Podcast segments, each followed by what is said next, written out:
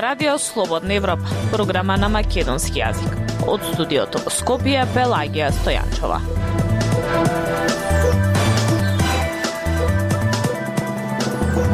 Во денешната емисија на Радио Слободна Европа објавуваме Нема политичар кој ќе го продаде својот народ ако цената за Европската Унија е идентитетот, порача преседателот Пендаровски во обраќањето пред пратениците. Заев заминува, за некого како херој, за други како предавник.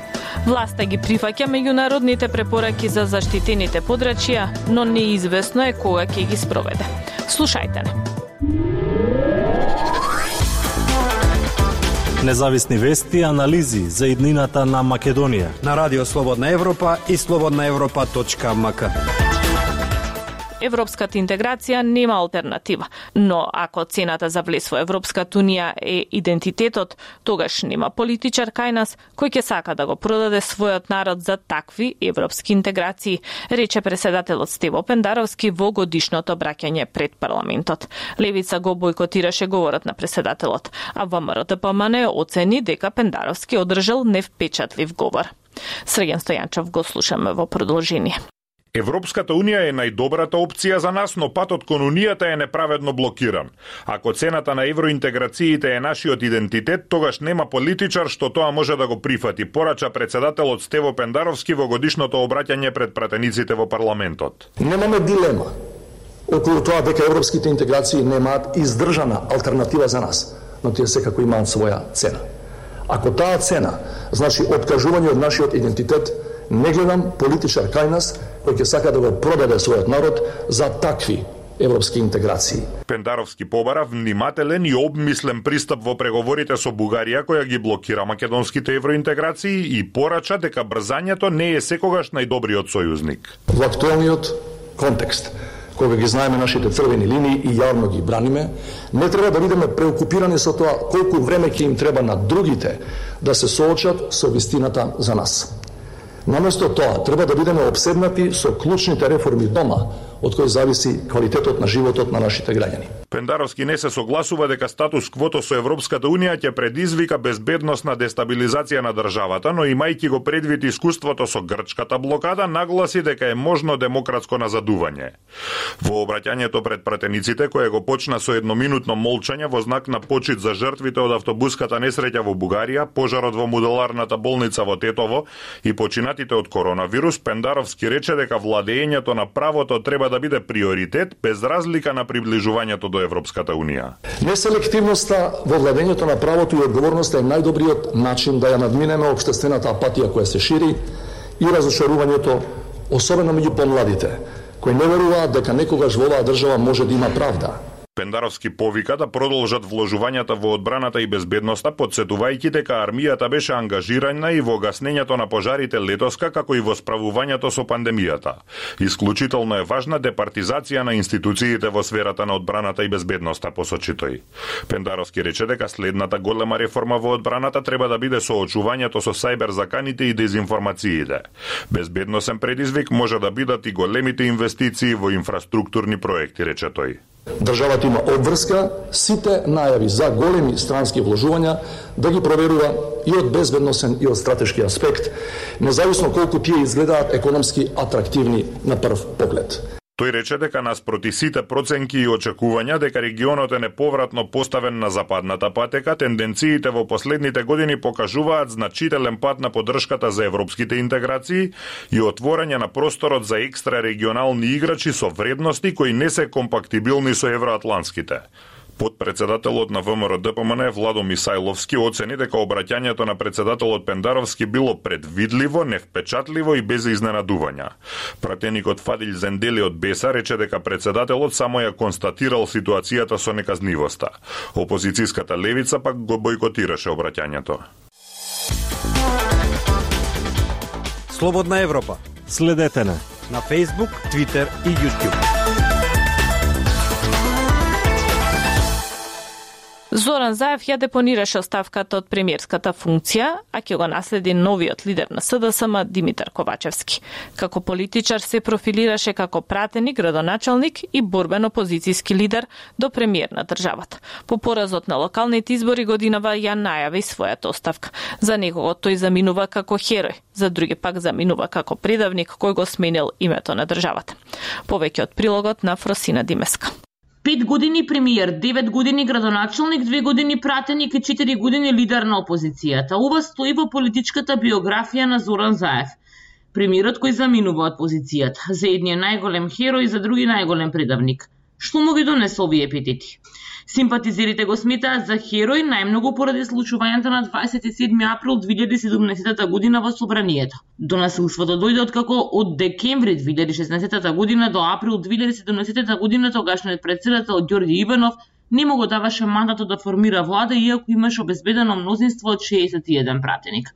Настрадаа Заев, други политичари и новинари, а снимките со крвавите глави и фотографиите кои беа објавени го шокираа светот.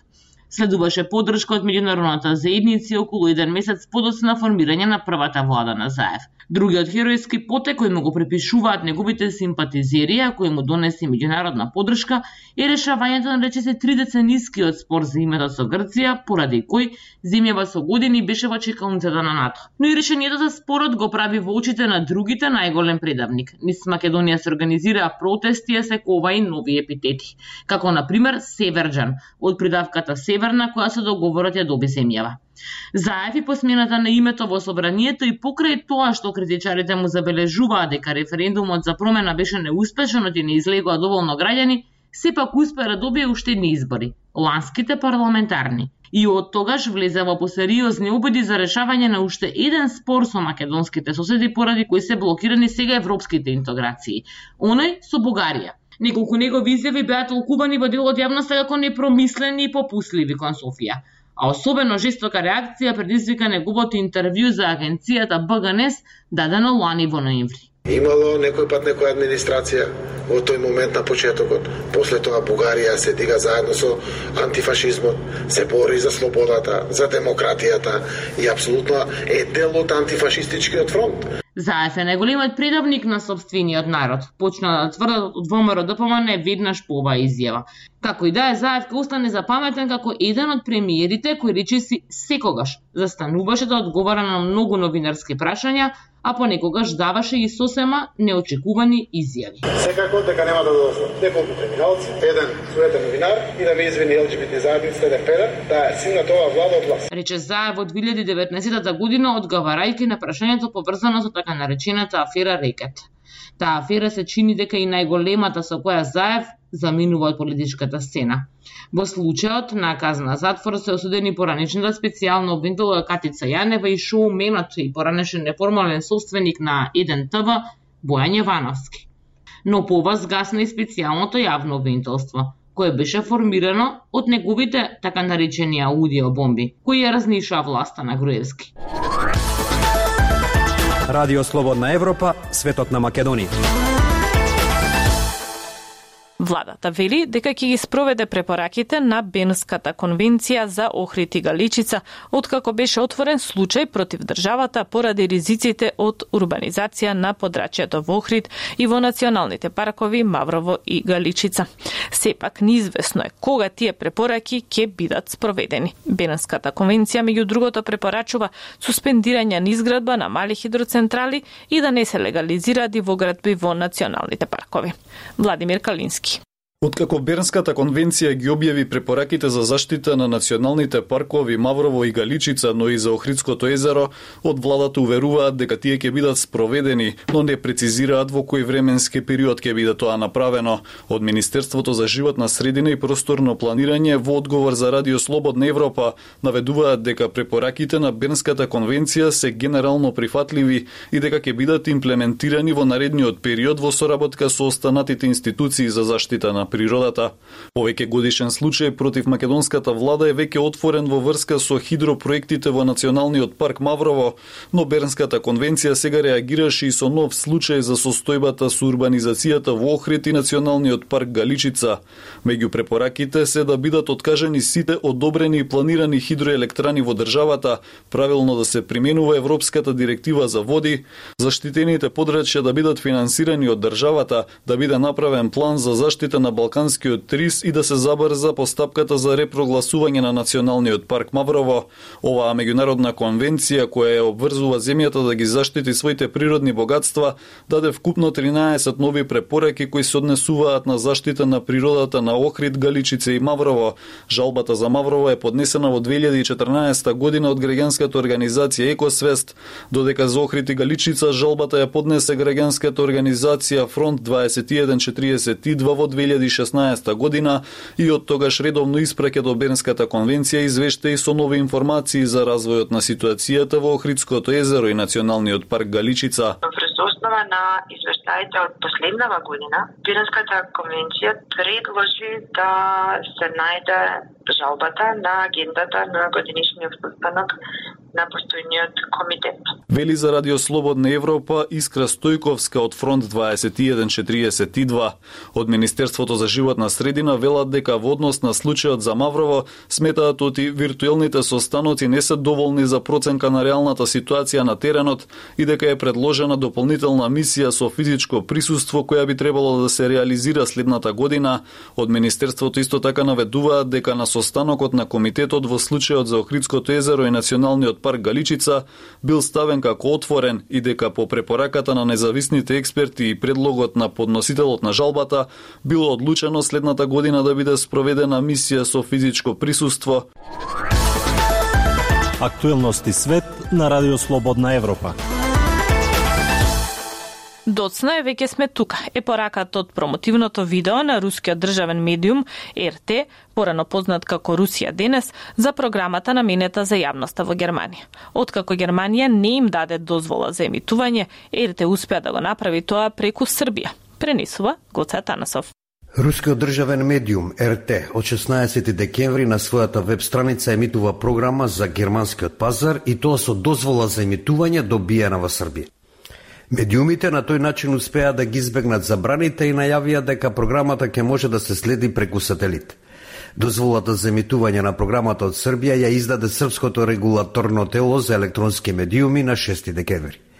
Раде Велјановски, професор на Факултетот за политички науки во Белград, кој учествуваше во изработката на одредени закони за медиумите, За Радио Слободна Европа оцени дека Српското регулаторно тело за електронски медиуми направи ризичен потек од очигледни политички причини.